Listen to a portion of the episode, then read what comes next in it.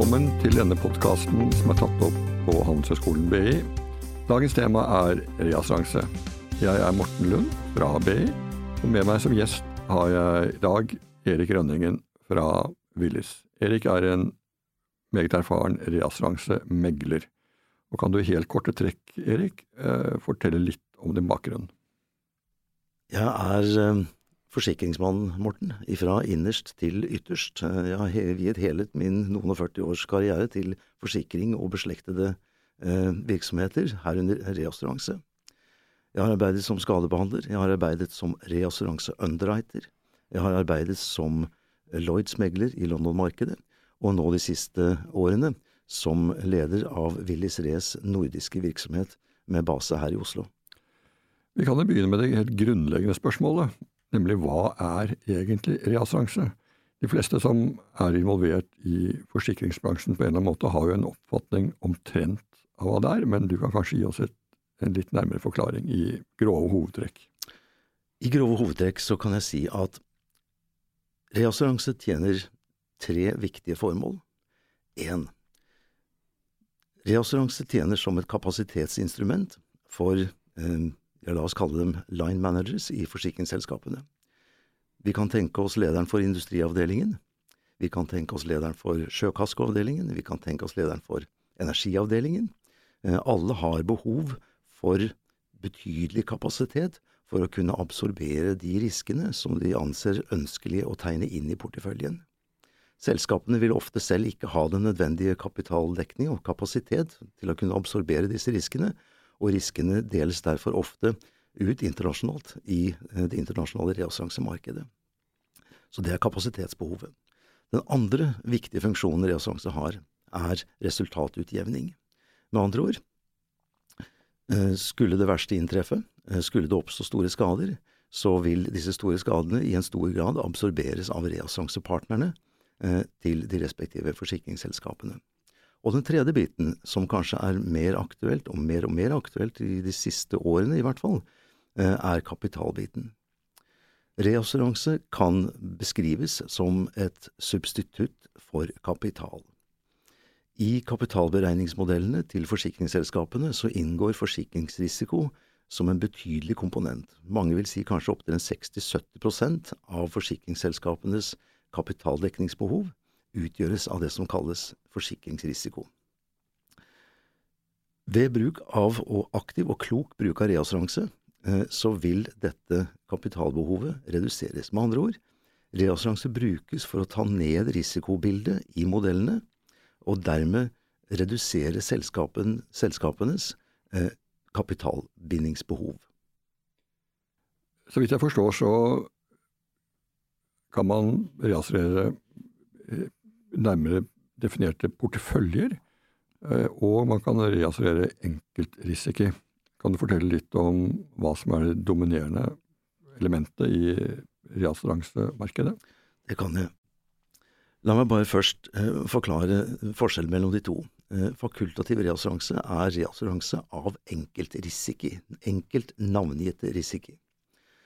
Eh, den andre delen, porteføljereassuranse, er reassuranse av gitte porteføljer innenfor begrensede og definerte eh, bransjeområder. Eh, sistnevnte er helt klart det dominerende eh, i dag. Eh, både det vi kaller for proporsjonal reassuranse, eh, som er en reassuranseform der reassurandøren deler likt for likt med avgivende selskap risiko og premie.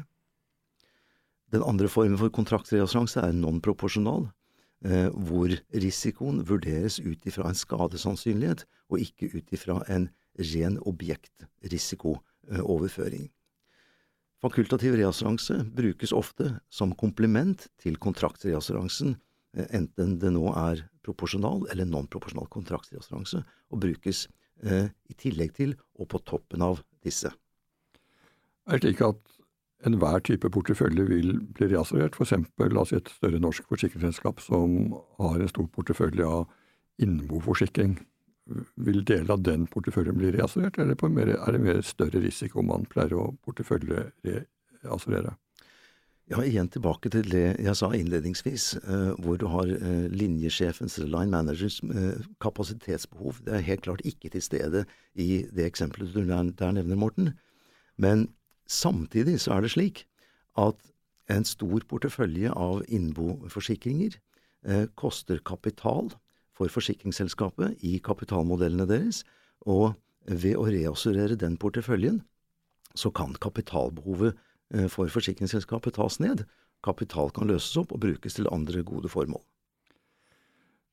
Ut fra en slags veldig røff gjennomsnittsbetraktning, ut fra de norske forsikringsselskapene en viss størrelse, hvor stor andel av disse selskapers totale portefølje vil normalt være reassurert til enhver tid? Jeg skjønner at det varierer, men en helt grovt anslag. Er det 40% eller 90% eller noe midt imellom, eller hva? Jeg vil si at hvis du ser på, altså ser på tingene på, på et porteføljenivå, så vil jeg nok si at samtlige selskapers totale porteføljer er reassurert eh, over visse nivåer. Eh, begrensningene settes eh, imidlertid av egenregningsnivåene hos selskapene, og de store selskapene vil typisk holde eh, en egenregning per skadetilfelle som langt overstiger de verdiene vi vanligvis ser, ser rundt oss. Men fra et porteføljenivå eh, så må jeg si at samtlige selskaper eh, reassurerer enten det er property-porteføljen, det kan være autoporteføljen, det kan være ulykkesporteføljen, yrkesskadeporteføljen, bilporteføljen. Alle porteføljer er gjenstand for reassuranse i større eller mindre grad. Det gjelder samtlige selskaper. Så kan vi si litt om reassuransemarkedet. Hva slags, hvilke typer aktører er, er, det på dette markedet? Er det både rene reassuranseselskaper og direkte forsikringsselskaper som også tar inn reassuranse, eller hvordan fungerer dette markedet? Markedet er i dag endret fundamentalt fra den tiden jeg vokste opp i, i bransjen. Eh, på den tiden, og skal jeg ikke si hvor lenge det er siden, men det er en stund siden, så hadde ethvert forsikringsselskap med respekt for seg selv hadde en reassuranseavdeling. Eh, la oss også tenke tilbake på at på den tiden så var det ikke en liten håndfull spillere i det norske markedet. Det var 20-30-talls forsikringsselskaper av ulik størrelse, og samtlige tegnet aktivt inngående reassuranse. Tegnet eh, reassuransekontrakter fra Lloyds, de tegner reassuransekontrakter fra Danmark, de tegner reassuransekontrakter fra USA. Og stort sett, vil jeg påstå, og dette her er med etterpåklokskapens eh, klare øyne, eh, uten egentlig å vite hva dette dreide seg om, og uten egentlig å vite og forstå hvilke risikoer de påtok seg. Eh, det resulterte i en dramatisk sanering av reassuransemarkedet. Samtlige selskaper forsto jo etter hvert at ikke de forsto så meget, og tapene, pengene rant ut, og tapene ble bare større og større. Dette resulterte i at eh, i dag i Norge så er det ingen forsikringsselskaper som tegner aktivt inngående reassuranse. Ser vi i en nordisk sammenheng, så kan jeg bare komme på ett selskap i Stockholm som tegner inngående reassuranse aktivt. Eh, for øvrig ser vi ut over vår egen uh, lille Men men før vi går videre, og det betyr også at uh, er det noen rene reassuranseselskaper i det nordiske markedet i dag? Ja, det skulle jeg komme til. Okay. Og ser vi ut over vår egen, egen begrensede verden her i Norden, så, så, har vi de profesjonelle aktørene først og fremst på kontinentet og i USA. Der har vi store, tunge aktører som Swiss Re, Munich Re, det er, to største, det er de to verdens største reassuranseselskaper. De driver kun med reassuranse. Vi har General Ree, som er en del av Berkshire Hathaway-gruppen.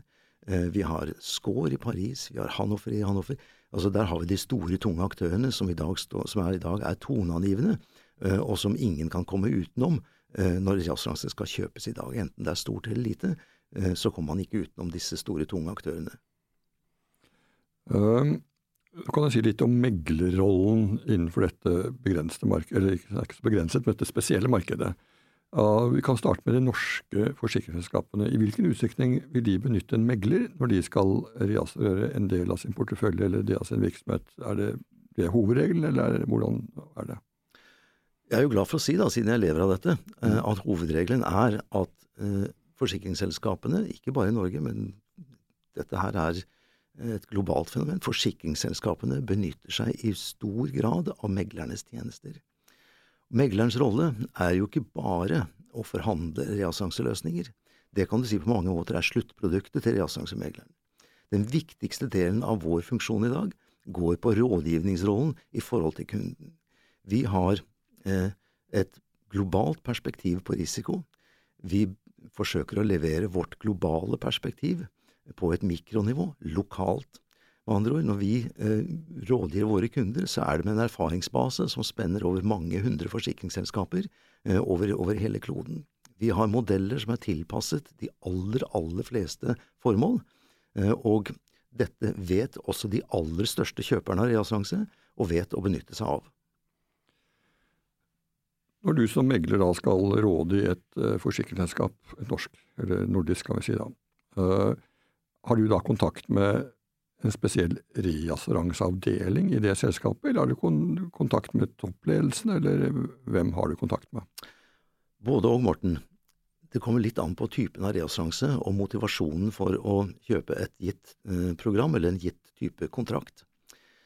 Snakker vi om unnskyld, kapitalløsninger, så er dette helt typisk eh, området til CFO, og veldig ofte CEO. Eh, beslutninger på dette nivået tas på topplan i forsikringsselskapene, også de store. Samtidig skal det sies at de store selskapene gjerne også har en egen reassuranseavdeling, eh, en egen avdeling som har som ene, eh, eneste oppgave å analysere selskapets eget reassuransebehov, og oftest sammen med megler forsøke å tilrettelegge reassuranseløsninger. Så megleren i den rollen mot reassuranseavdelingen er en medspiller er en innleid konsulent, gjerne om du vil, eh, som bistår reassangsavdelingen i de store selskapene med å komme frem til de optimale løsningene. Hvordan er det? Det er jo mange typer portefølje og risiko som reassureres, det er jo i og for seg alle. Eh, er det slik at meglerne er spesialisert, at det er noen som jobber med reassurans av marinrisiko og andre med autorisiko osv., eller er man mer generalister? Det vil variere eh, sterkt. Eh, på vårt kontor eh, i Oslo så er vi generalister. Eh, vi forsøker å imøtekomme våre kunders aller fleste behov. Samtidig så har vi jo, som du vet, ryggdekning i en stor, tung organisasjon i London, hvor det sitter spesialister innenfor eh, alle mulige tenkelige eh, bransjer. Så både ja og nei på det spørsmålet. Det skal også sies kanskje at det er visse typer bransjer som ikke faller inn under vårt vanlige gebet, og det er typisk eh, eh, luftfart, det kan være offshore energi, det kan være marine. Det er spesialbransjer som gjerne faller utenfor det vi vanligvis eh, sysler med. Men det må være noen, er det ingen norske meglere da, som eh, håndterer disse risikoene, eller er det, er det gjøres det av de som driver marine og energi, f.eks.?